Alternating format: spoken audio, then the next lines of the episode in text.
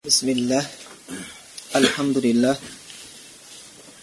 wassalatu wassalamu ala rasulillah.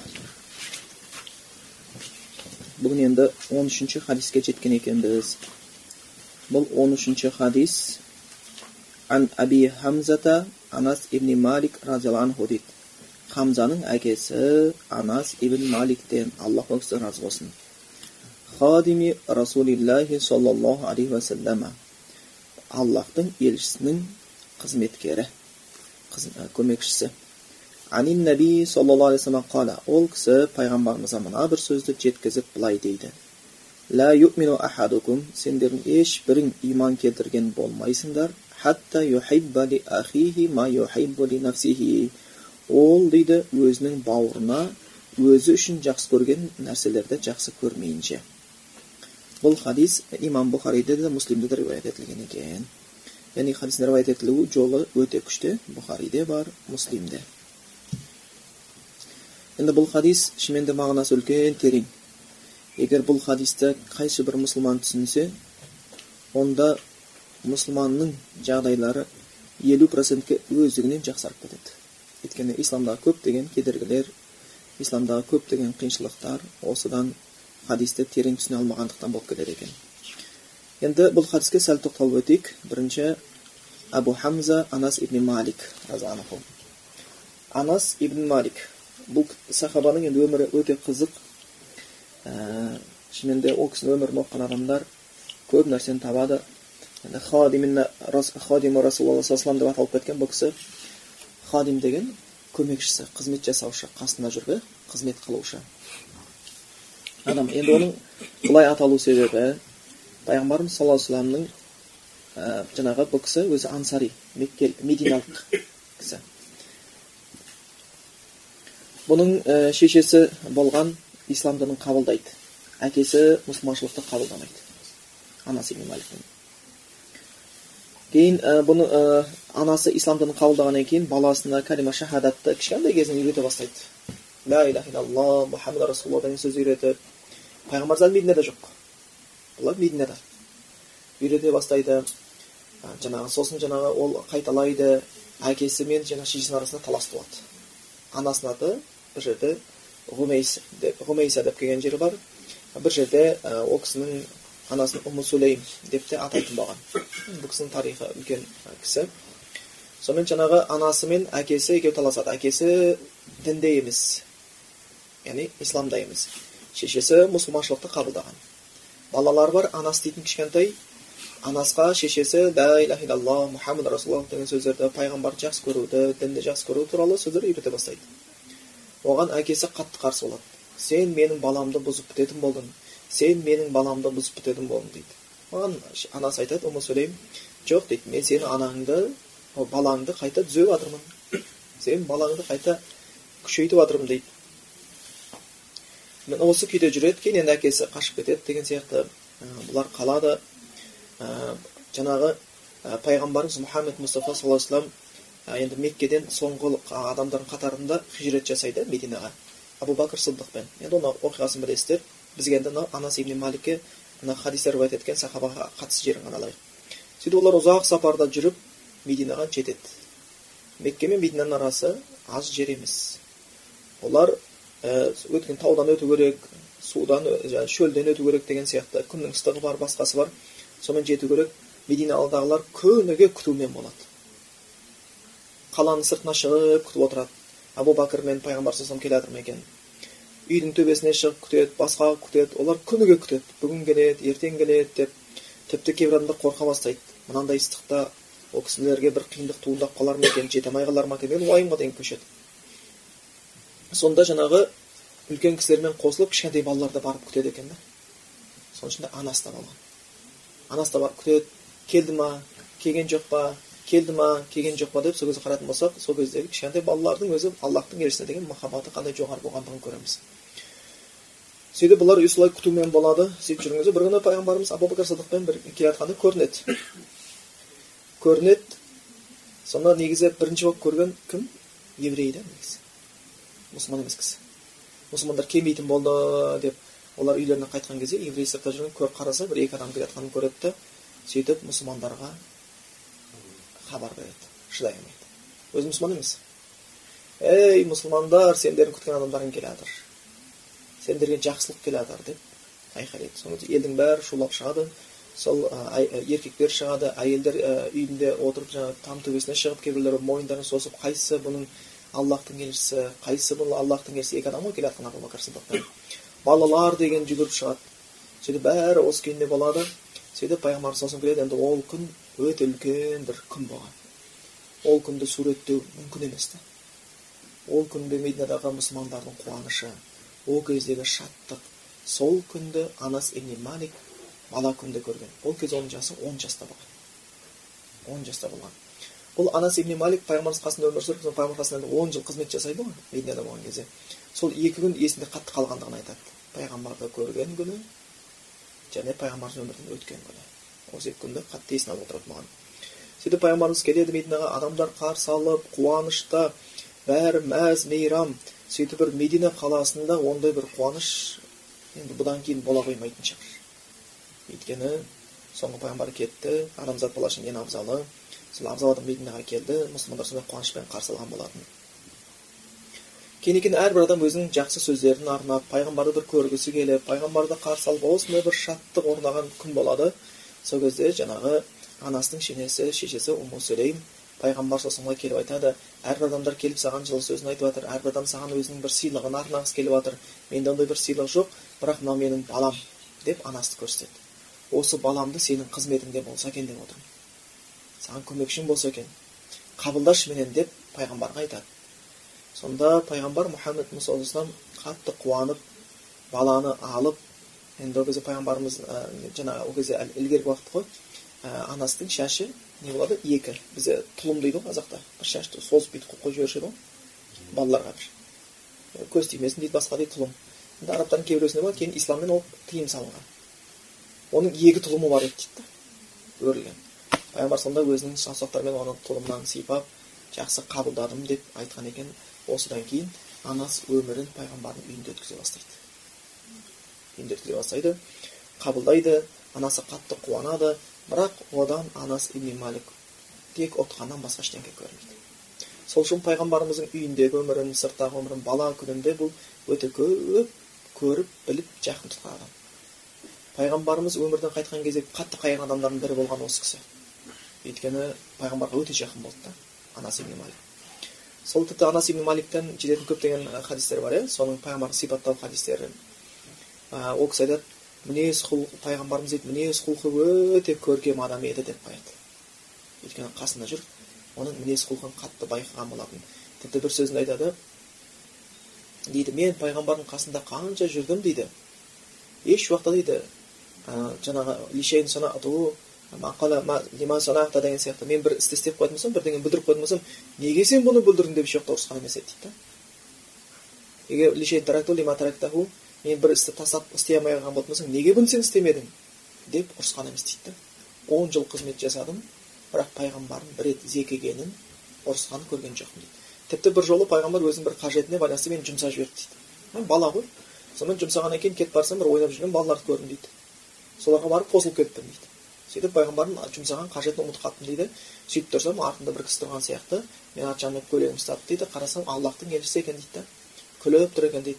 Ей мен сен жұмсаған нәрсені істедің ба? деп айтты дейді. Сосын мен сасып қалдым да қазір істеймін аллахтың елшісі қазір істеймін деп жүгіріп кеткен едім дейді да. Соның өзінде осындай бір көркем мінезді кісі болған еді енді бұл кісі пайғамбарымыз қасында ұзақ жүрді. Тіпті енді жаңағы анас ибн малик жаңа айттық қой өмірінде бұл кісі ұзақ өмір сүрген енді. Ең соңғы қайтыс болған сахаба осы. Хижри жыл санау бойынша тоқсан үшінші жылы өмірден өткен осырақ қаласында. Ұзақ өмір сүрді. Сонда бұл ә, анас ибн малик ә, пайғамбар мұхаммад енді көрген қасында көп жүрді сосын айтады. Өмірімде менің өмірімде ең қатты есте қалатын екі күн деп айтатын болған екен да. Біреусі пайғамбарымыздың мединаға келген күні. Ол күн менің есімнен шықпайды дейді. Ол бүкіл медина қаласын бір шаттыққа толған күн ол күні бір нұр жауғандай күн болды. Ол күні біз сондай бір қатты қуанышта болған күніміз еді дейді. Сөйтіп ол сол күнді айтқан кезде жүзі нұрланып бір сондай көзіне жаңағыдай қуаныш ұялап тұрып айтушы еді дейді. Бірақ анасы ибн малик екінші бір күнді айтатын дейді ол пайғамбар өмірден қайтқан күні дейді. Ол күнді айтқан кезде анас ибн малик сондай уайымдап кететін еді дейді. Анас ибн малик дейді пайғамбарымыздың өмірден қайтқан күнін жыламай айтқан емес дейді. Есіне алса ол көзіне жас келе беретін дейді. Сондай көзіне жас келетін еді. Оның дейді пайғамбарымыздың қайтыс болған күнін сипаттаған кезде адамдардың сол кездегі уайымға батқанын сипаттаған кезде дейді қасында тыңдаушылар қоса жылап кетуші еді дейді. Деп келеді. Өзі жылап қалатын еді маңайындағы адамдарды да жылатып қоюшы еді дейді. Сол бір күйінде болған енді бұл кісі пайғамбар қасында сол біраз қызмет жасағаннан кейін ә, пайғамбар мұхаммед мұстафа саллаллаху алейhi ол кісіге өзінің батасын беріп кеткен дұғасы дұғасын айтқан иә сол пайғамбардың дұғасында аллама деген сияқты я алла оның малын көбейтші бір риуаятта барик деп келеді берекелі етсе дейді дейді екеуі мағынасы жақын иә көбейт берекелі қыл деген сияқты аллах тағала бұл маликтің малына береке бер бұның өміріне береке бер бала шағасына береке бер және жәннатқа кіргіз деп дұға жасап кеткен ал пайғамбарымыз дұғасы арқылы қайтатын дұға емес қараң сонда қандай керемет дұғаға ие болыпты бірақ оның осындай керемет дұға ие болуға себепші болған кім анасы анасы білді да баласын қай жаққа жіберіп жатқанын қандай керемет нәрсеге ең жақсы кісінің қасына жүріп жатқанын білді әйтеуір сол өзі жақсыдан әрқашанда бір жақсылық жұмады адам баласына кісі досыңа көп қарау керек деген сол. Ә, жалпы ә, жаңағы ә, жаңағы адам болар балаңды жолдасынан танисың деген сияқты. Көбінесе балалар жақсы кісілердің қасында жүрген жақсы. Жақсы нәрсе үйренеді. Жаман кісінің қасында жүрген болса жаман нәрсе үйренеді. Да адам өзі байқамай қалады. Сол бұл анасы ибн пайғамбар қасында жүреді осындай баталарға ие болады.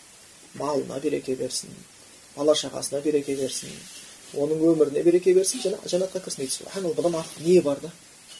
Дүниесі айтылды ақырет айтылды дүниеде адам баласы кісінің қолына қарамасам екен сияқты жоғары қол төмен қолдан жақсы дейді яғни беруші қол алушы қолдан жақсы дейді да дүние жағынан артық болды бала шағасы көп болды бала шаға деген мал мен бала шаға дүниенің көркі дейді да құдай тағала бала шағасын беріп қойды да бал, балалары мен немерелерін қосқанда жүзден асып кеткен еді дейді балла немересі қосқанда жүзден асып кеткен еді дейді оның сол күйінде балалары өмірін ұзақ қылды субхана өмірінің соңына дейін жүз үш жыл жасады дейді да бұл кісі жүз үш жыл жүз үш жасқа дейін өмірінің соңына дейін сөйлеп отырды өмірінің соңы және ең соңғы айтқан кезде өліп бара соңғы демге дейін қасындағы кісілер айтқан екен соңғы демге дейін ашаду ла илlalloh ашаду ашаду илlalloh ашаду ашаду осы сөзді айтумен өлді дейді осылай жан тапсырды дейді субхан бәрі берілді анасының парасаттылығының арқасында өзінің адал қызметінің арқасында әлемнің раббысының келген елшісі пайғамбар батасының арқасында. Сол үшін негізі ана бір қазақта бір мақал бар ғой оның жаны бар негізі.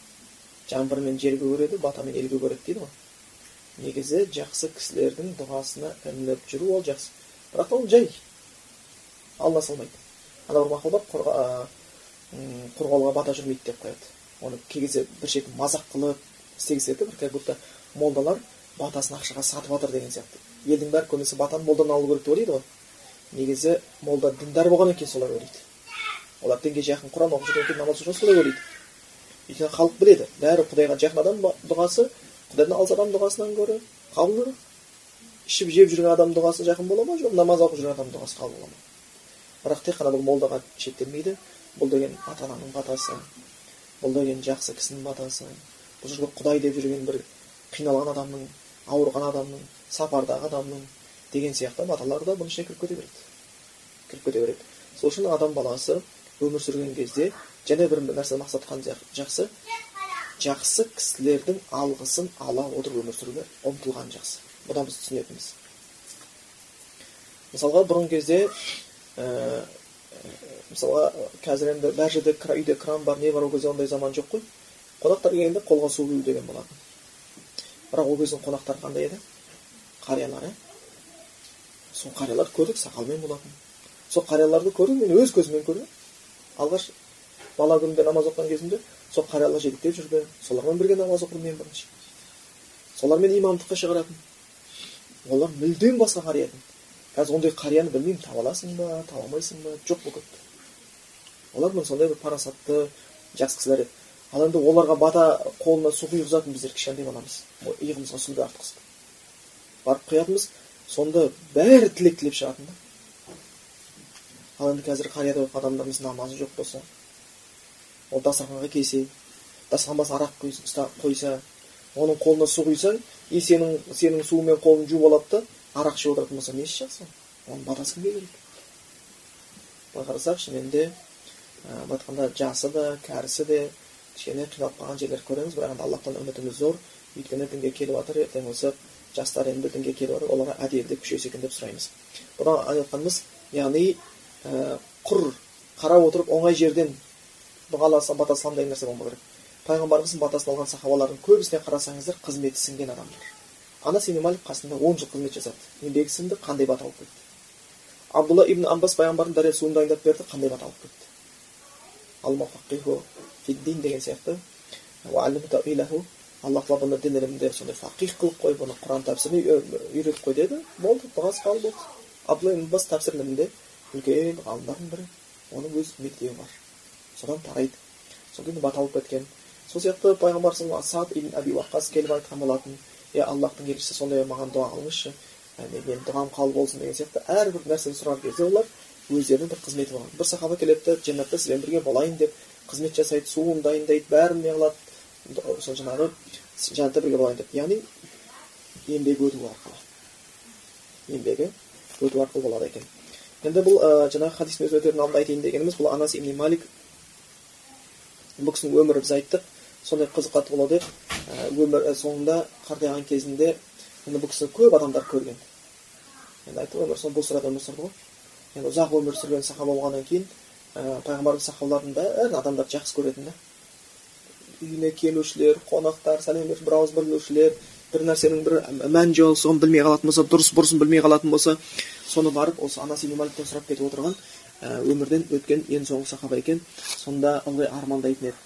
Менің арманым дейді да ертең өмірден бәрібір өтемін дейді ертең өліп кетсем дейді сосын ол қиямет күні болған кезде мен аллахтың елшісіне жолыққанды армандаймын дейді да егер аллахтың елшісіне жолығып қалсам дейді менің айтатын сөзім бар дейді да айтамын дейді да я расулалла ей аллахтың елшісі хаза құдай жаңағы не унейс бұл сенің кішкентай унейс дейтін қызметкерің ғой деп алдына шыққым келеді дейді да мен сенің осындай унейс деген пайғамбар анасы унейс деп не кішірейтіп кіші анасы дейтін бала күнде болды ғой солай бір атаушы еді сол күйінде қарайтын болса болатын болсақ бұл анас ибн малик ә, жаңағы ә, сол өз арманына иншалла аллах жеткізсін деп тілейміз өйткені пайғамбар өзінің және батасында жәннатқа кіргіз деп дұға қылған болатын еді бұл кісі де пайғамбар қасында жүргеннен кейін бұл кісі хадис жеткізуде көптеген хадистер жеткізген. Сондай хадистердің біреусі осы біздер мен сіздер оқып отырған хадисіміз екен. Енді хадистің өзіне келейік. Хадисте қалай басталады? Ла юмину ахадукум сендердің ешқайсысың иман келтірген болмайсыңдар осы сөзге бір тоқталып алайық.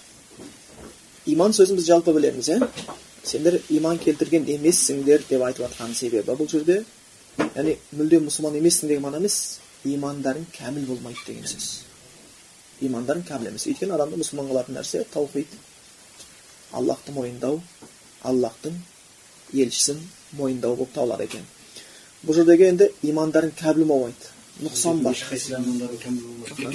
иә иә сендердің имандарың кәміл болмайды сонда иман келтірмедіңдер деген сөз имандарың кәміл болмайды деген сөз болып табылады екен иманның кәмілдігін иман келтіру бар одан кейін иманның кәмілдігін орнататын істер бар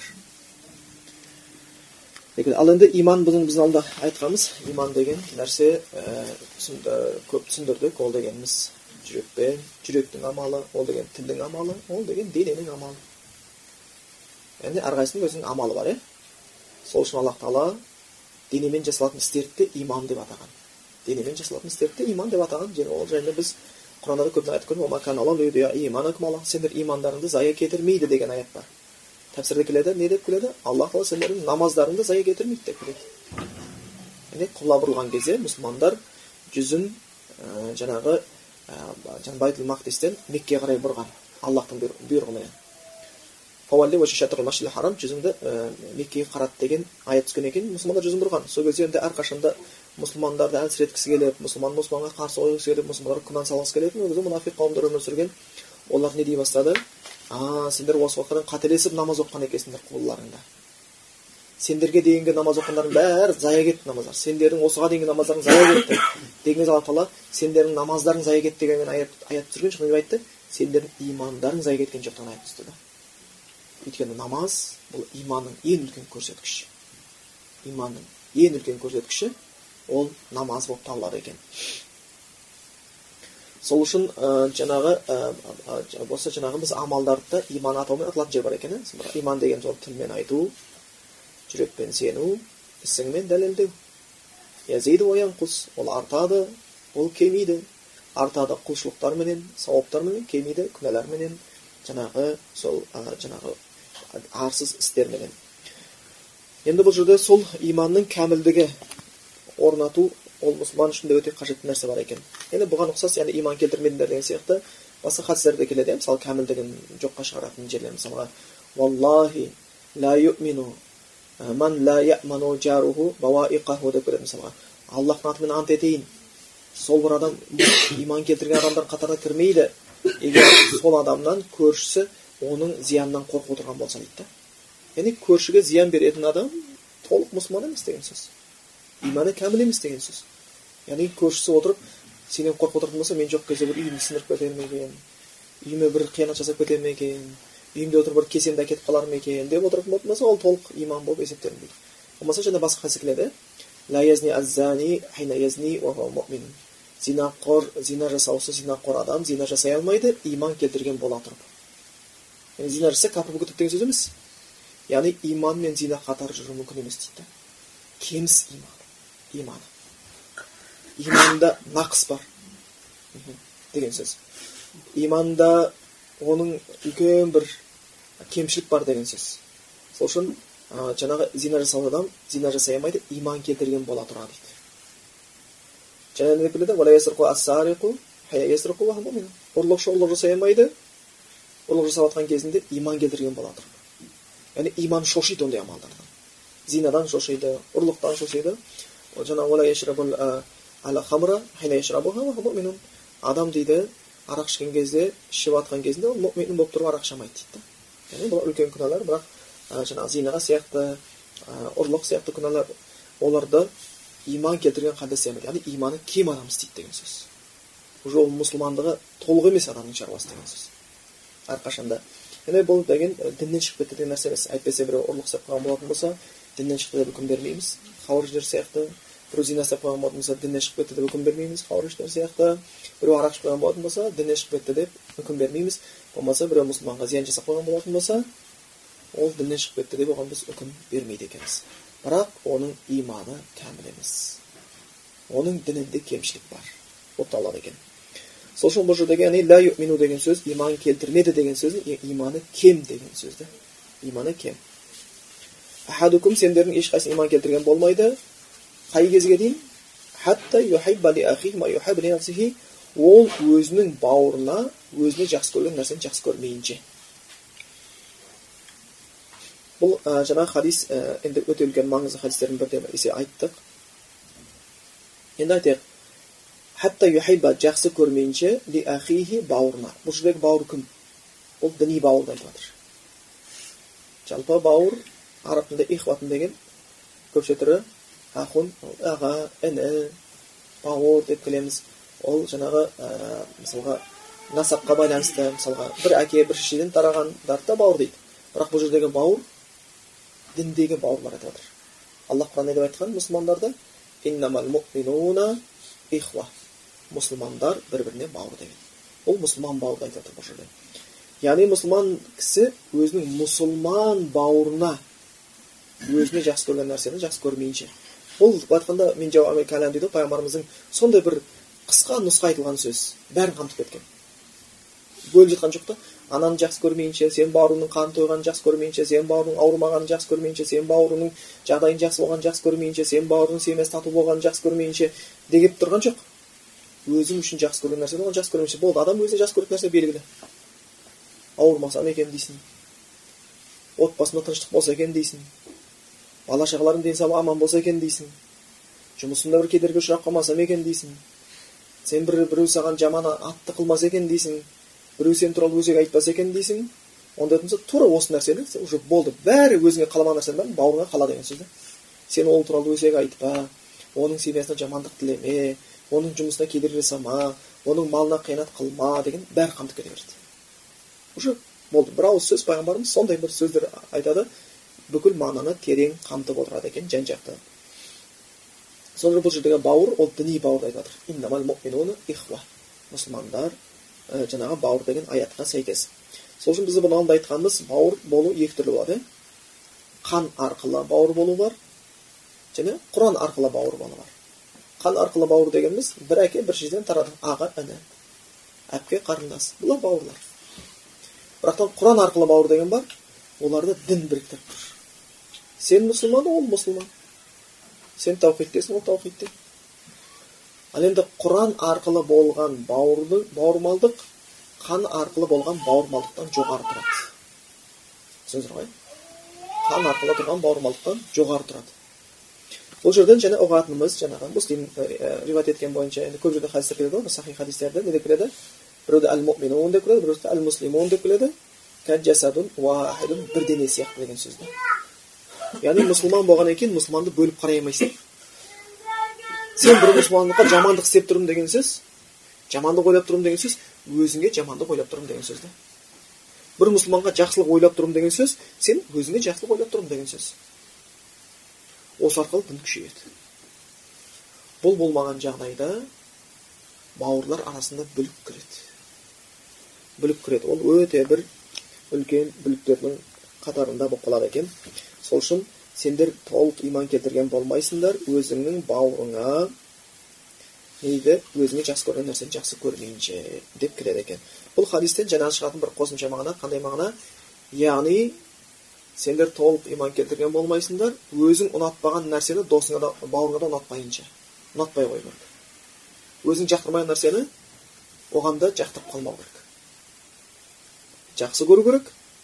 Өзіңе жақсы көретін нәрсені жеп көру керек оған өзіңе жеп көретін нәрсені былай да былай да екі жағынан алып келу қажетті болады екен енді бұл жерде ә, көп мағынаны қамтиды бұл жерде осы хадис арқылы бауырыңа жақсы сөз сөйлеуге үгіттейді бұл хадис бауырыңның сыртынан жақсы тілектер тілеп тұруға үгіттейді бұл хадис бауырыңа көмекке мұқтаж болған кезде көмектесуге үгіттейді бұл хадис және әрқайсысынан сауап бар иә бауырыңды жолыққан кезде сәлемің дұрыс болуына үгіттейді бұл хадис бұның бәріне шынымен хадистер өзінің несі бар сол үшін жаңа бұл хадистен шығатыны керісінше жаңа жаман жанатын болсақ бауырыңа хасат көре алмастық жасаудан тыяды бұл хадис бауырың сыртынан ғайбат сөйлеуден тыяды бұл хадис бауырың сыртынан өсек таратудан тыяды бұл хадис бауырыңа жала жабудан тыяды бұл хадис бауырыңның малына қиянат жасаудан тыяды бұл хадис яғни жақсылық істеуге бұйырып жамандықтан қайтуға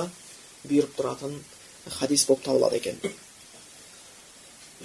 сол үшін құранда да көптеген аяттарды алып қарайтын болатын болсақ аллах тағала мұсылмандарды мұсылман бауырлары туралы жаман ойға түсуге жамандық істеуден тиіп келеді тияды мысалға хадисте келеді аятта келеді ей иман келтіргендер көптеген күдіктерден сақ болыңдар дейді бұл жердегі күдік жаңағы бізге жеткен тәпсірлер бойынша сол құран аяты өзі тәпсірлеп береді мұсылман бауырың туралы күдікке түсуден тыйған да бұл үлкен нәрсе өте ауыр нәрсе хадисте келеді сендер күдікті ойдың бәрінен сақ болыңдар өйткені күдікті ойлар ол өтірік дейді үлкен өтірік дейді бұдан сақтанбағаннан кейін уже адам баласы бірін бірін жек көру бастайды біз осы заманда жиі көреміз осы нәрселерді дәлелсіз. Айтылған сөздер иә пәленшелер бар екен олар уахабистер екен оларға шетелден ақша келіп тұрады екен олар бүйткен екен бен ладенмен связі бар екен өйтеді екен бүйтеді екен. Жеке счеттары бар екен әр счетін ай сайын осындай мың долларға дейін он мың долларға түсіп тұрады екен оны мынада жаратады екен олар бүйтеді екен сөйтеді екен деп мұсылмандар бір түрлі әңгіме айтады. Жақсы. Осы айттым. Дәлелде дәлел жоқ. Енді бұл хадис амал істеген жоқ. Ол бүлік таратты. Фитна таратты. Оның сөзіне сенген адамдар ол адамды жек көре бастайды. Өйткені бұл ол сөзді айтты. Неге бұл сөз айтты десек солай ойлаймын дейді да. А бұл бауырлардың арт жағында еврейлер тұрған сияқты еврейлер осы арқылы бүйтіп дінді бүлдірейін деп жатыр бүйтейін деп сөйтіп дәлелің бар ма? Жоқ болса қоя сал дәлелмен айтылмайынша ол не бүлік таратушы болады фитна бүлік ұйықтап жататын зат дейді да лағнет болсын сол адамға фитнаны оятқанға дейді да кім мұсылмандар арасында фитна салды оған лағнет болсын деген сол үшін шынымен де бұл тақырыпты қатты ойлану керек дәлел бар ма осы сөзге көзбен көріп қолмен ұсталған жерлер бар ма жоқ болса онда бұл аятқа да хадиске де сиятын сөз емес сен ғибадат істеп жатқан жоқсың сол үшін көбінесе біз ойлаймыз сүннет сүннет сүннет дейміз да сыртқы сүннеттерді біліп ішкі сүннеттерді ұмытып қаламыз ішкі сүннеттер өте маңызды ішкі сүннеттер маңызды сыртқы сүннеттерден гөрі сондай ішкі сүннеттердің ішіндегі және сүннеттің біреусі мұсылман бауыр ол жаман ойға түспейді пайғамбар мұхаммед мұстафа кезде язид ибн асад деген бір сахабасы келіп айтады пайғамбар қасына келген кезде пайғамбар оған сұрақ қояды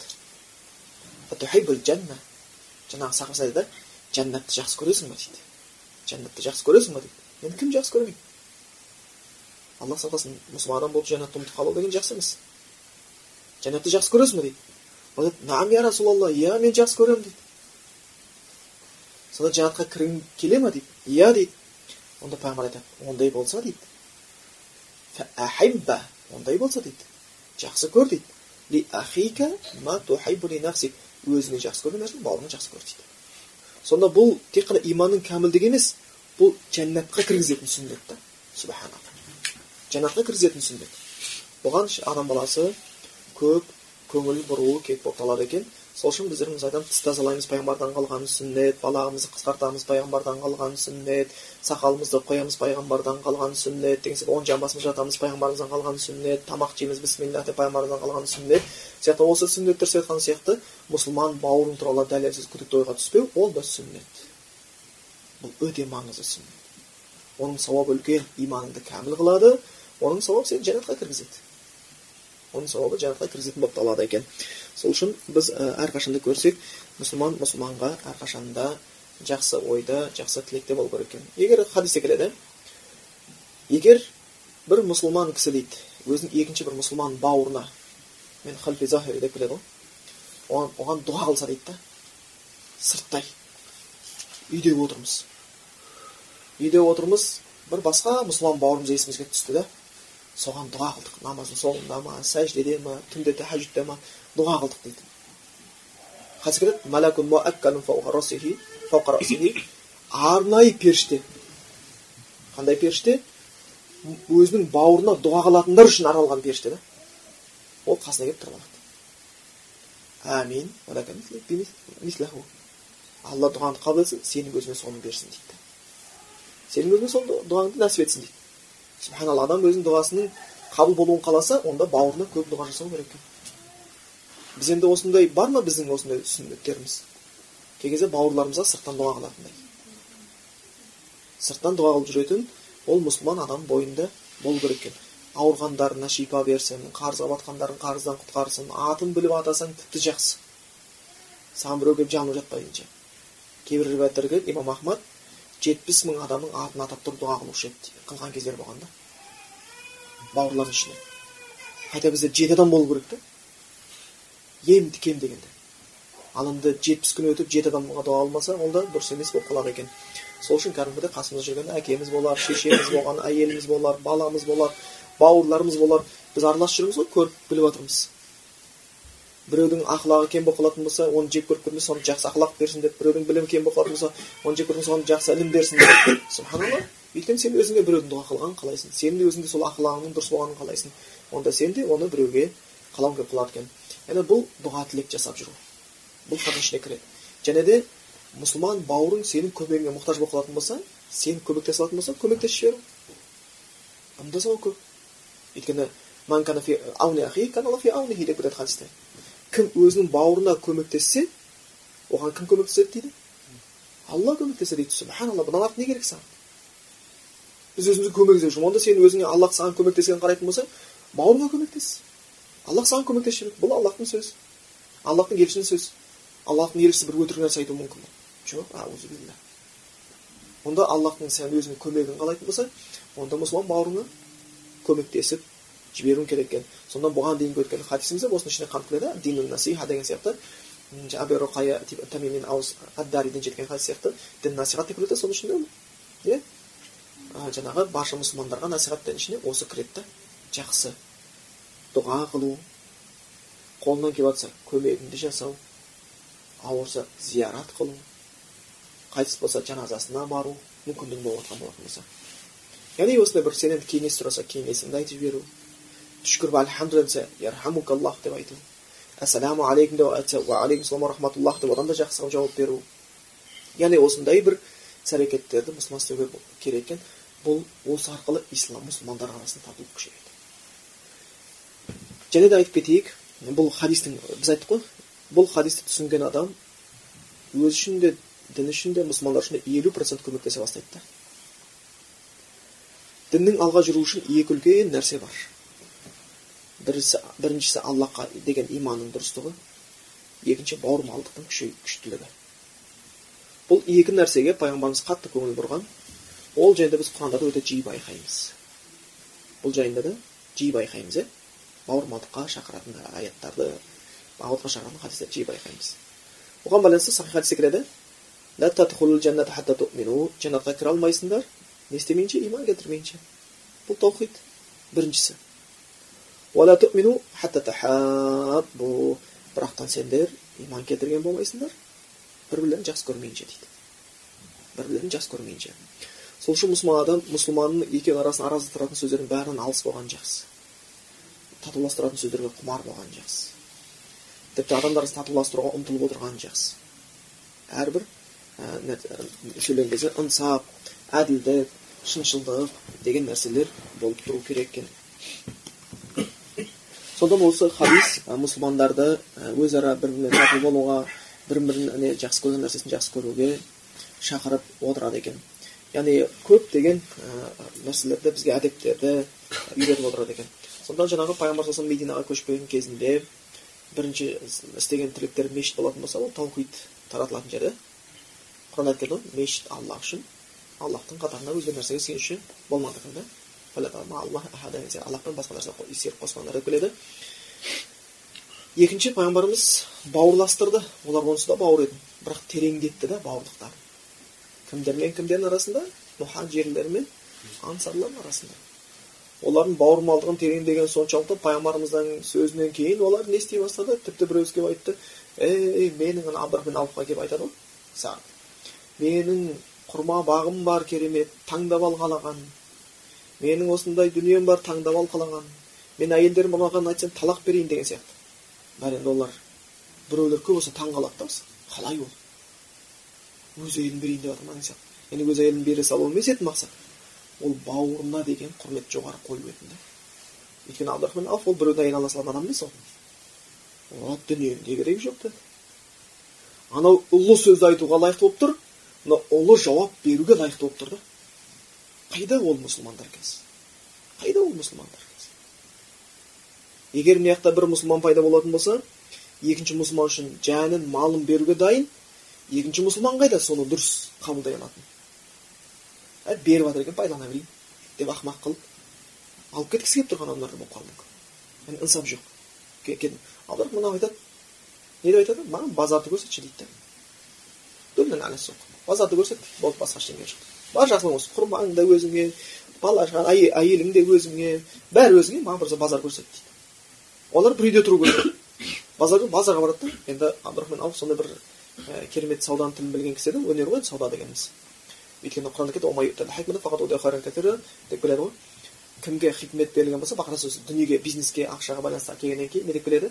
Кімге хикмет берілген болатын болса оған үлкен үлкен емес көп жақсылық берілді дейді. Да осы жерде хикметті бірінші тәпсір негізі өйткені мәселе дүние туралы болғаннан кейін сауда саттық болғаннан кейін айтады кімде кім қолындағы ақшаны дұрыс жарата алатын болса дейді да.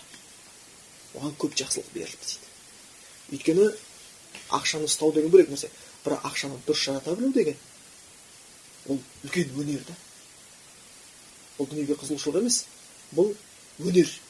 Кәдімгі дұрыс жерге садақасын дұрыс беріп іштей алақанды ашып жібермей қатты жұмып жібермей сараңда болып қалмай іштей жаңағы шашылып кететін адамдар болып қалмай бизнестегі ақшаны тиісті жерге жіберіп оборотын шығарып алып оны көбейтіп үйтіп істеп бұл өнер. Абдрахман базарға барып ол жерден барып сол күні барады да не істейді ары сат бері сол үй жатқан үйіне бір маймен сүт алып келеді да. Керісінше. Оның бақшасына алған жоқ. Керісінше ол үйге маймен сүт алып келді бағаналы оған оны әйелімді беремін бағамды беремін деп адамның үйіне. Сол үшін бұл хадистен ә, біздің жаңағы алып отырған нәрсеміз мұсылмандар арасындағы бауырмалдықты күшейту тақырыбы. Ол өте бір керекті болып табылады екен.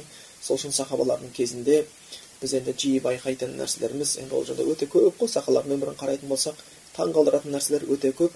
Мысалы пайғамбарымыз кезінде бір адам өте аш болып келіп пайғамбарымызға айтып бірнеше күн болды тамақ ішкен жоқ едім ә, маған бір тамақ ішкізетін адам бар ма? дегенде пайғамбар өзі де қарны аш үйінде тамақ жоқ несі жоқ мешіттегі сахабалардың кім мына менің қонағымды бүгін күте алады дегенде бір сахаба мен күтейін аллахтың елшісі деп үйіне алып барады үйіне алып барса әйелі тамақ істеп отыр екен не істеп отыр десе азын аулақ тамақ енді ол балалар қарнап отыр еді балалар аш дейді.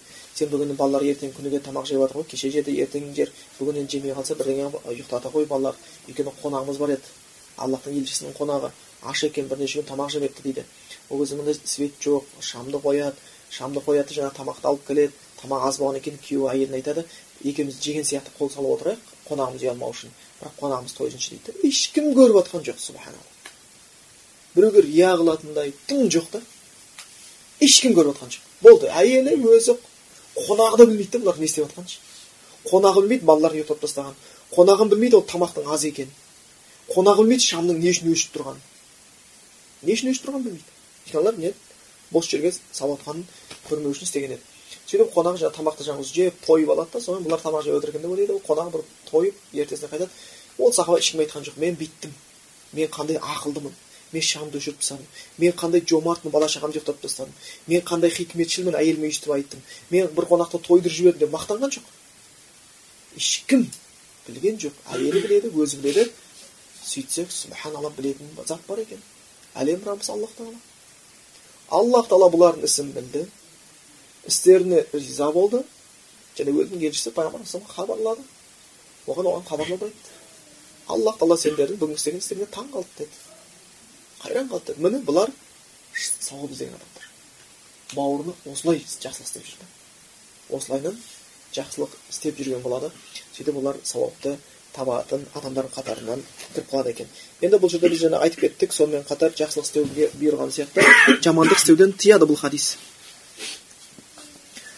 жамандық дегеніміз ол мұсылман мұсылманға хасат қылуы мұсылман мұсылманға ғайбат айтуы өсек тағы басқа енді ол.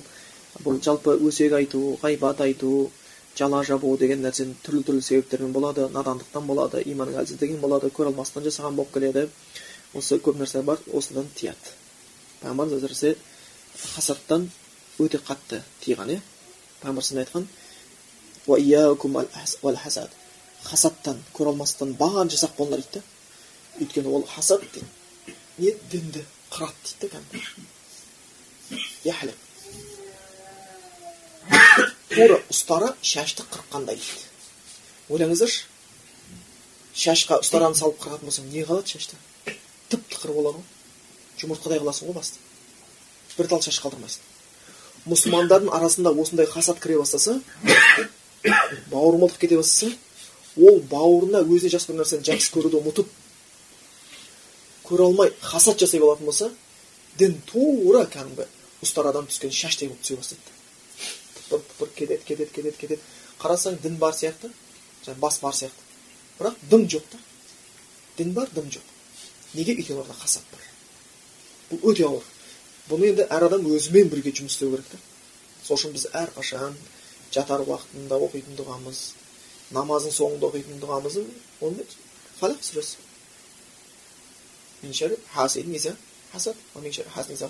яғни көре алмас адам көре алмас жасалған кездегі жамандығынан сақта дейміз бұл өте жаман нәрсе да аллахқа сыйынатын нәрсе өйткені бұл хасад күнәсі аспанда жасалған ең бірінші күнә кім істеді оны ібіліс шайтан адам хауанаға хасат қылды да оларды жәннаттан шығып кетуіне себепкер болды өзі күнәһар болды и адам атанды да жерден жәннаттан шығып кетуіне себепкер болды да оған да зиян басқа да зиян және жер бетінде ең бірінші жасалған күнә да хасат деген адам атаның баласы. Қабыл абылды өлтіріп қойды. Өзінің туған бауырын өлтіріп қойды. Бір әкенің балалары. Қараң хасат қандай нәрсе? Оны адам байқамауы мүмкін жайлап жайлап кетеді да ең соңында бір адам туралы жамандап жатыр оны үйтіп жатыр ол оңбаған ол жексұрын ол білімсіз ол надан ол ақлақсыз деп жатыр дәлел жоқ. И оған дәлел айтқысы келеді білмейтіндер үшін. Бірақ ар жағында хасатта өртеп бара жатыр неге? Неге деген сияқты. Сол үшін әрқашанда мұсылман адам баласы құран аятында келген сияқты. Келеді ғой біреуге құдайдың берген кеңшілігін қызғанбаңдар дейді. Да біреуге берген кеңшілік мұсылманда мынандай нәрсе болса ол жарасады екен. Оны шариғат тілінде араб тілінде ғибта дейді. Да енді орысша белый зависть деп қояды ғой. Қазақша енді бұны ә, жаңағы қызығушылық деп атасақ та болады қызғану емес. Мысалға бір адамда аллах тағала жақсы үй беріп қойыпты. Сенде үйің жоқ. Күніге мешіттің қасына өтіп бара мешітке кетіп бара жатқан кезде сол бауырың үйдің қасына өтесің да. Сен квартирада жүрсің. Бірақ үй бар бауырың қасына өтесің. Ылғи көрген сайын ай мынада үй бар менде үй жоқ мынада үй бар менде үй жоқ десең сен мешітке кетіп бара жатып өзің жүрегіңді ауырта бересің да. Онда не пайда сен мешітке кетіп бара аллахтың үйіне кетіп бара жатқаннан сен аллахтың үйі сондай таза жерге бара жатсың бірақ жүрегіңді тазаламай бара жатсың бұл дұрыс емес. Бұдан шариғат тыяды ал енді сен кетіп бара кезде мұсылман бауырың үйін көріп қалып машалла машалла осыған аллах үйге берген үйіне береке берсін. Бізді де осыған жеткізсін десең бұны ғибта дейді бұл дұрыс. Түсіндіңіздер ғой? Онда сен жүрегіңді ауыртпайсың жүрегіңді ауыртпайсың тура сол сияқты аллах біреуге дүние берген. Садақа беріп жатыр басқа көңіл машалла аллах тағала осыға беріп қойды садақа беріп жатыр неғып жатыр? деген сияқты. Осы жомарт деп аталып кететін болды. Осыда дүние бар. Мен неге жүрмей жатырмын мен неге жұмысым жүрмеді неге мен бизнесім жүрмеді неге мен бүйтіп жатырмын деп өзіңді өзің улап біреуді улап қайтасың. Алла тағала берген дүниесіне береке берсін бізді соған жеткізсін ертең біз де садақа берушілерден болайық. Бұны ғибта дейді бұны қызығушылық дейді. Қызыққанда екі нәрсеге қатты қызықса болады. Алла тағала біреуге ілім берген ілімді аллах жолында таратып жүр. Біреуге алла дүние берген дүниесін аллах жолында таратып жүр. Осы екі адамға қатты қызықса болады. Мен де бір ілімге ие болсам дін таратсам мен де бір дүниеге ие болсам садақа берсем бұл жақсы нәрсе қызығушылық. Сондықтан бұл көре алмастық деген мұсылмандардың арасының өзінде кей кезде не бүлік алып келеді? Пайғамбар одан қатты тыйған сендерге сақ болатын нәрсе хасад деп қатты тиген жәбір хасы келеді. Хасад көре алмас дейді. Тура жақсылықтарды от ағаштарды отындарды жегендей қылып жейді дейді от жанып жатыр. бір ағаш таста жанып кетеді. Таста жанып кетеді. Таста жанып кетеді. Сенің жақсылығың көп істеп жатқан намазың бар оразаң бар бәрі бар. Бірақ сен хасатпенен біреуге жамандық істеп жүрсің. Сенің істеп жатқан жақсылық зікірдің бәрі тастай жанып жатыр да отқа тастап жатрсың өйткені жүрегіңде от бар. Сосын бұл жерде мұсылман туралға жамандыққа да барудан барынша тыйым салып отырады екен. Сол үшін кей кезде хадис ғалымдардың ішінде өзінің бір термин бар тадил деген. Жаңағы хадис жеткізуші адамдардың ілім таратушы адамдардың жақсы жағын кемші жақтарын елге хабарлау сол хадистің дұрыс бұрыстығын анықтау үшін ілімнің дұрыс бұрыстығын анықтау үшін. Бірақ сол кезде олардың бір тәртіп бар. Замандастардың бір біріне айтқан сөздерін қатты қабылдай қоймайды да. Өйткені олардың қорқатыны араларында хасат кетіп қалуы мүмкін дейді. Біреу біреуді жамандады. Әй оның білімі жоқ. Ол ақиқат айтып жатыр ма хасат айтып ма уже белгісіз. Хасат болып қалатын болса жақсы адамға сөз кетіп қалуы мүмкін. Сонда ол жерде кішкене сақтық жасайтын болған. Замандастардың бір біріне айтқан сөзіне. Ол өте бір сақтық жасау керекті болып қалады екен. Сол үшін жаңағы бұл хадис бізге бауырыңа жақсылықты тілеп жақсылықты қалап жақсылықты жасауға бұйырғанмен қатар бұл хадис бізді бауырыңа жамандықты жасап қоюдан бауырыңа жамандықты тілеуден тыяды болды бүкіл нәрсені қамтып кеткен болады екен. Енді ойлаңыздаршы сондай мұсылмандар өмір сүріп жатқан болса қандай көркем күй кешетін еді олар? Бай мен кедей тату өмір сүре алатын еді. Дұрыс па? Ал мұсылман арасында бұның өзі кей кезде зиян беріп қалады. Білесіздер жаңағы яқуб пайғамбар балалар болды он екі баласы болды баласы жүсіп түс көрді түсінде жаңағы он бір жұлдыз күн айды көрді олардың сәжде қылғанын көрдім деді әкесі оның пайғамбар болатынын біліп қойды жүсіптің кішкентай кез сонда әкесі жүсіпке не деп айтты мына түсіңді ағаларыңа айтпа деді ағаларыңа айтпа деді ағаларың саған жамандық қылады деген жоқ шайтан уасуас қылады деді шайтан пайдаланады шайтан деген адамның жүрегінде хасад туғызуға басқа қатты жұмыс істегісі келеді қарамайсың ба дүниесі екеуің бірге жұмыс істеу үшін бір базарда анам байып кетті сен байыған жоқсың қарамайсың екеуің бір медресе оқыдың ананың елдің елдің сөзін тыңдап сені ешкім тыңдамайды қарамайсың ба сенің білім адамың көп бірақ елдер ананы жақсы дейді сені жаман дейді. И осындай уас келе береді күніге айтады баласына ешкімге айтпа түсін дейді. Бірақ олар түсін айтпаса да әкесінің уже бұл жүсіп деген баласының ерекше екенін байқап оның пайғамбар болатынын біліп оны жақсы көре бастағанын сезіп соның өзі олар қасаға алып барып субханалла өзінің бауырларын құдыққа тастап кетеді ғой. Өлтірмекші ойлары болады қараң қай алып барған? Қандай дәрежеге алып барған? Егер пайғамбарлардың баласы хасаттан осындайға барған болатын болса бұл қиын екен. Сондықтан осының бәрі емі осы хадис. Бұл былай мұсылман адамның жүрегін үлкен дәрісі да түсінген адамға бұл керемет дәрі. Осы арқылы ол өзінің жүрегін емдейді да пайда келтіре алады. Жалпы мұсылман адам баласы бір нәрсені естен жоқта шығармау керек. Өйткені құранда келеді ғой бір аят алла тағала құл деп бастайды айт деп мен пайғамбарымызға бұйырып отыр бәрімізге бұйырған сияқты аллахума ей аллах тағала мүлк бүкіл иеліктің патшасы алла тағала сен қалаған пендеңе билікті бересің қалаған пендеңнен билікті алып қоясың қалаған мәртебелі қыласың қалаған пендені қорқып қоясың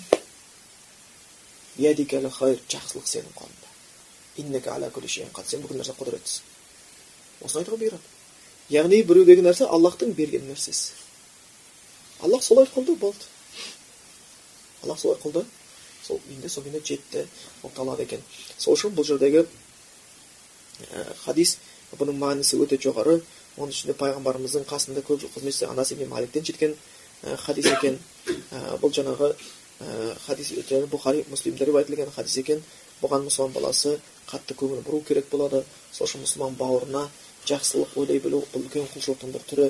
Жүрекпен жасалатын жүректегі көптеген жаман көптеген хасад сияқты көре алмастық сияқты тәкаппарлық сияқты нәрсенің бәрінен осы ем ем болып келеді. Алла тағала құранда айтады біз жоғарыда айтып кеттік қой пайғамбар жаңағы язид ибн асад әл деген сахабасы келіп пайғамбар саллаллаху жәннат жәннатты жақсы көресің ба деді наам я расулалла иә аллахтың елшісі жақсы көремін деді жәннатқа кіргенді жақсы көремін деді пайғамбар оған насихат айтты ондай болатын болса жақсы көр ли ахика өзіңнің бауырыңа мұсылман бауырыңа өзіңе жақсы көрген нәрсені деп келді тура осы хадистің мағынасын қамтитындай аяттар да бар алла айтады бұл ақырет жұрты яғни жәннат көз көрмеген құлақ естімеген керемет нығметке толы жәннат дейді кім үшін дейді біз оны кім үшін дайындап қойдық дейді ол керемет жәннат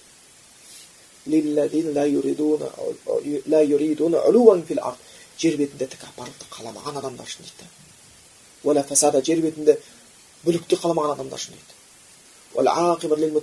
ақырет жұрты ақыреттің жақсылығының бәрі соңғы ізгіліктің бәрі кімге тақуалар үшін дейді құдайдан қорыққандар үшін деп келеді сонда тақуалық ол намазбен оразамен берген дүниемен ғана есептеліп қалмайды.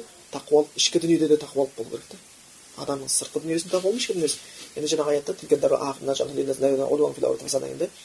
үлу деген тәкаппарлық деп алады да. Біреуден артық болғанды аңсау біреу өзінен артық болып бара жатқан болса оны жек көру. Неге бұл озып кетті деген нәрсе. Жер бетінде бүлікке ұмтылмау деген сияқты. Яғни күнәға ұмтылмау күнәні жақсы көрмеу. Деген міне осы нәрселермен жету керек болып қалады екен. Пайғамбар мұхаммед мұстафа саллаллаху кезінде бір кісі сахабасы келіп айтады е аллахтың елшісі менің киімімнің дұрыс болғаны аяқ киімімнің дұрыс болғанын мен жақсы көремін дейді да бұл тәкаппарлық болып қала ма? деп қорқады. Жоқ дейді бұл тәкаппарлық емес дейді. Бұл тәкаппарлық емес енді мұсылманға өзінің берген киімін таза ұстап аяқ киімін бас киімі болсын бәрін дұрыстап көлігі болсын дұрыстап жүргені ол тазалық. Өйткені алла таза тазалықты сүйеді дейді. Үйі жайы бар тазалықты сүйетіп біледі бірақ пайғамбар не деп айтады тәкаппар не деп айтады тәкаппарлық деген ақиқат келген кезде қабылдамау құраннан бір сөз айтты хадистен бір сөз айтты ей қойшы деп қабылдамау екінші ғамтуннас адамдарды үстінен қарау кем тұту е кім олар кім еді олар бұл негізі ең жаман нәрсе мен мен деген сөзден өте артық болу не алыс болу керек сол үшін негізі мен деген сөздерді көбінесе осындай қатты діннен алыс адамдар көбінесе айтуға тырысқан солардың солардың біреусі мысалы фирғауын. Ол мұса пайғамбар даулас даулас кетті ең соңында ана деген сөз айтты. Мен ана рабукул ала мен сендердің жоғары құдайлар мен сендердің құдайларың деп. А не? Жар салды да. Өйткені мен деген сөз ең соңында құдаймын деген сөзге алып кетті да. Өзін жақсы көру. А ол жақсы емес. Ол мен деген нәрсе дұрыс болып табылмайды екен. Сол үшін ұлық болсаң кішік бол деп енді қазақта бір жақсы мақал келтіреді. Адамға құдай нығмет берген сайын кішірейіп отыру керек. Білім берген сайын кішірейіп отыру керек. Дүние берген сайын кішірейіп отыру керек. Тәкаппарлық деген ол сондай бір нәрсе. Жерден шығып мойнына салынған арқан сияқты. Мен деген сайын төмен тартып кетеді. Ал енді кішіпейілдік деген ол аллахтан жоғарыдан келген бір арқан сияқты. Кішірейген сайын сені жоғары көтереді да мәртебеңді. Кішірейген сайын жоғары көтеріп отырады екен. Сондықтан шыныменде аллах тағала біздің жүрегімізге мұсылман бауырымызға деген махаббат салсын. Алла тағала біздің жүрегімізге әйтеуір сол ә, аллахқа құлшылық жүргендерді жақсы көруді нәсіп етсін. Сөзіміздің ең соңында айтып кетейін деген нәрсеміз ә, бұны алдында да біз талай жерде айтып жүргенбіз бірақ ойлана жүру үшін айтатын нәрсеміз. Ә, енді біреулер үшін біз бір сабақ беріп жүрген біреулер үшін біз бір дін таратып жүрген адам көріп ә, біреулер өздерінен бізден мүмкін жоғары санайтын шығар оны алла білуші кімнің жоғары кімнің төмен екенін өйткені мәселе біліммен ғана өлшенбейді ол тақуалықпен өлшенеді ал тақуалық деген жүректегі нәрсе ә, мысалға келіп а осы ұстаз еді деп білім алып жатқандардың ішінде шәкірттердің ішінде ұстазынан да дәрежесі жоғары болатындар ол көп жағдайда болуы мүмкін ә, кей кезде біз ұстаз болып жүріп те өзімізде кей кезде өзімізден жоғарғы шейхтардан емес қарапайым шәкірттерімізден үйренетін нәрселер де көп болады мысалы сондайдың нәрсесінің біреусі айта кетейін дегеніміз біз көбінесе имам бұхаридің адаб муфратта келтірген хадисін уағызымызда жиі пайдаланатын едік. Қарапайым халықты уағыздауда өйткені ол иманға қызықтыру мәселесін үлкен нығмет екен. Өйткені ол хадисте келеді. Аллах тағала дүниені сүйген құлына да береді сүймеген құлына да береді. Бірақ иманды тек қана сүйген құлына береді деп айтқан. Яғни иманның берілуі адамның намаз оқуы адамның таухид ұстануы адамның зекет садақасын беруі адамның қажылыққа қарай ұмтылуы адамның ораза тұтқысы келіп тұруы бұл деген аллахтың оған деген махаббаты деген сөз бұдан артық сый жоқ. Ең үлкен сый осы аллах айтты иманды тек сүйген құлына береді деді тек сүйген құлына береді деді. Енді осы хадисті біз көп адамдарға айтып ә, осы имам бұхарида осындай бір адам фараттарда келгенде айтатын едік. Тура осы бір хадисті және бір бауырымыз оқып отырып бірге отырған еді сонда айтқан сөзі осы хадисті оқыған сайын ұяламын осы хадисті оқыған сайын ұяламыз деген сөз айтты. Енді біз сөзді жиі пайдаланып жүргеннен кейін кей кезде сөздерге мән береміз иә енді бұл хадисті оқыған сайын шүкірлік етемін десе түсінуге болады бұл хадисті оқыған сайын аузымнан альхамдулилля шығып кетеді десе түсінуге болады аллах маған иман берді альхамдулилля сол берген иман үшін деп қуанамын десе бірақ ол ұяламын деген сөз басқаша дұрыс па сосын мен сұрадым неге сен ұяласың яғни мен ұяламын деген сөзбен осы хадисті қалай біріктіресің сонда ол түсіндіріп жатыр енді аллах тағала айтып тұр ғой мен иманды тек сүйген құлыма беремін деп яғни біреуге алла таухид берген болса біреуге бес уақыт намаз оқуды нәсіп еткен болатын болса бұл деген сөз аллах тағала жақсы көреді деген сөз. Жақсы көрген үшін оның жүрегіне иман орнатты. Жақсы көрген үшін ол аллахтың істерін орындап жүр. Яғни қандай да мөлшерде аллах оны жақсы көреді? Енді аллах тағала жақсы көретін пенделерді кей кезде біз кейбір нәрсесін кешіре алмай жек көріп кетеміз. Сол ісіме ұяламын дейді. Да яғни алла жақсы көретін адамдар жақсы көре алмаған ма дейді. Сол үшін шынымен де аллах тағала осындай бір жүрегімізде бауырмалдықтың күшеюін барша мұсылмандардың арасында сондай татулықты нәсіп етуін нәсіп етсін. Өйткені біз бәріміздің арманымыз сол иә қай мұсылман болсын қай бір тіпті мына бір кейбір қателік ағымды мұсылмандардың ішінде бір сондай бір уайым бар. Неге мұсылмандар бірікпейді неге мұсылмандар бірікпейді неге біз бөлекпіз деп собылар келіп сұрайды жамағат таблиғ келіп сұрайды басқасы келіп сұрайды неге біз бүйтпейміз неге неге біз бөлінеміз неге біреуді сәләфит дейміз неге біреуді уахабит дейміз неге біреуді софы дейміз неге біз мұсылман емеспіз деген сияқты осындай жиі сұрақтар келеді бірақ оның жауабы екеу ол екі нәрсе болмайынша ол ештеңеге пайда бермейді біріншісі не аллах бірінші бұйырған нені айтқан бірігудің жолы бар жоқ емес егер істегіңіз келетін болса бірінші аллахтың арқанынан яғни ол шариғаты діні құраннан бірігіп ұстаңдар бөлінбеңдер яғни сенің істеп жатқан ісің мен сөзің құран мен сүннетке сәйкес болу керек бірінші бірігу үшін. Енді біз не өтіріктің үстінде біріге алмаймыз ғой дұрыс па? Бидағаттың үстінде біріге алмаймыз ғой. Біз сүннеттің үстінде біргеміз біз таухидтың үстінде біргеміз біз құранның үстінде біргеміз біз өтіріктің бидағаттың адасушылықтың үстінде біріге алмаймыз біріншісі сонда бірігудің несі екен тәсілі бірінші бірігудің тәсілі ол аллахтың дінін сауапты ұстану аллахтың дінінен бірігіп ұстану міне осы сонда біріктіреді екінші бірігудің екінші жолы осы ол осы хадис бірігудің екінші бір маңызды жолы ол осы хадис болып табылады екен бұл хадисте енді сен аллахтың дінінен ұстағаннан кейін бауырыңды жақсы көруің керексің өзің үшін жақсы көрген нәрсе бауырыңа жақсы көруің керексің ол болмайынша сенің құран сүннетті сақылдап тұрып аузыңа айтқаның пайда бермейді. Бауырыңды көре алмасаң бауырыңа жақсылық тілей алмасаң бауырыңа жамандығың өтіп отырса аузыңнан айтатын өтірігің көп болатын болса ғайбатың бар болатын болса онда қалай сен біргесің бірін бірін жамандайтын болса таухидсыз адамдар бір бірін жек көреді. Жек көріп кетеді. Бірін бірін ғайбаттайтын болса намазхандар бір бірін жек көріп кетеді. Сонда бірігудің екі үлкен тәсілі бар екен. Сырттай да іштей. Сырттай біздің сөйлеп жатқан сөзіміз бен ісіміз құран сүннетке сәйкес болу керек. Іштей сол бауырыңды жақсы көруің керексің ол бауырыңа өзіңе жақсы көрген нәрсені жақсы көруіңіз керек. Осы екі нәрсе болған кезде бірігу пайда болады. Бұл мына екіншісі болмай қалса бәріміз таухид ұстанып бәріміз құран сүннетті орындап бәріміз бидағаттан алыс болып кетсек те біз біріге алмаймыз егер бір бірімізді жақсы көре алмасақ. Ал енді бәріміз бір бірімізді жақсы көріп тұрсақ та бірақ құран сүннетті және біріге алмаймыз. Түсіндіңіздер ғой сондықтан бұл жаңа айтып жатқаным діннің елу процентін жақсартып жатқаным сол өйткені бұл өте маңызды хадис. Әр мұсылман баласына біліп алу керек. Сонда аллах тағала баршамыз білмеген нәрсемізді білдірсін ұмытқан нәрсемізді есімізге салсын. Қандай бір нәрсені дұрыс айтқан болсақ ол аллахтан қандай нәрсе қателескен болсақ ол шайтаннан. Алла баршамызды өзінің сол дінінде бірігуімізді сырттай да іштей де бірігуімізді нәсіп етсін.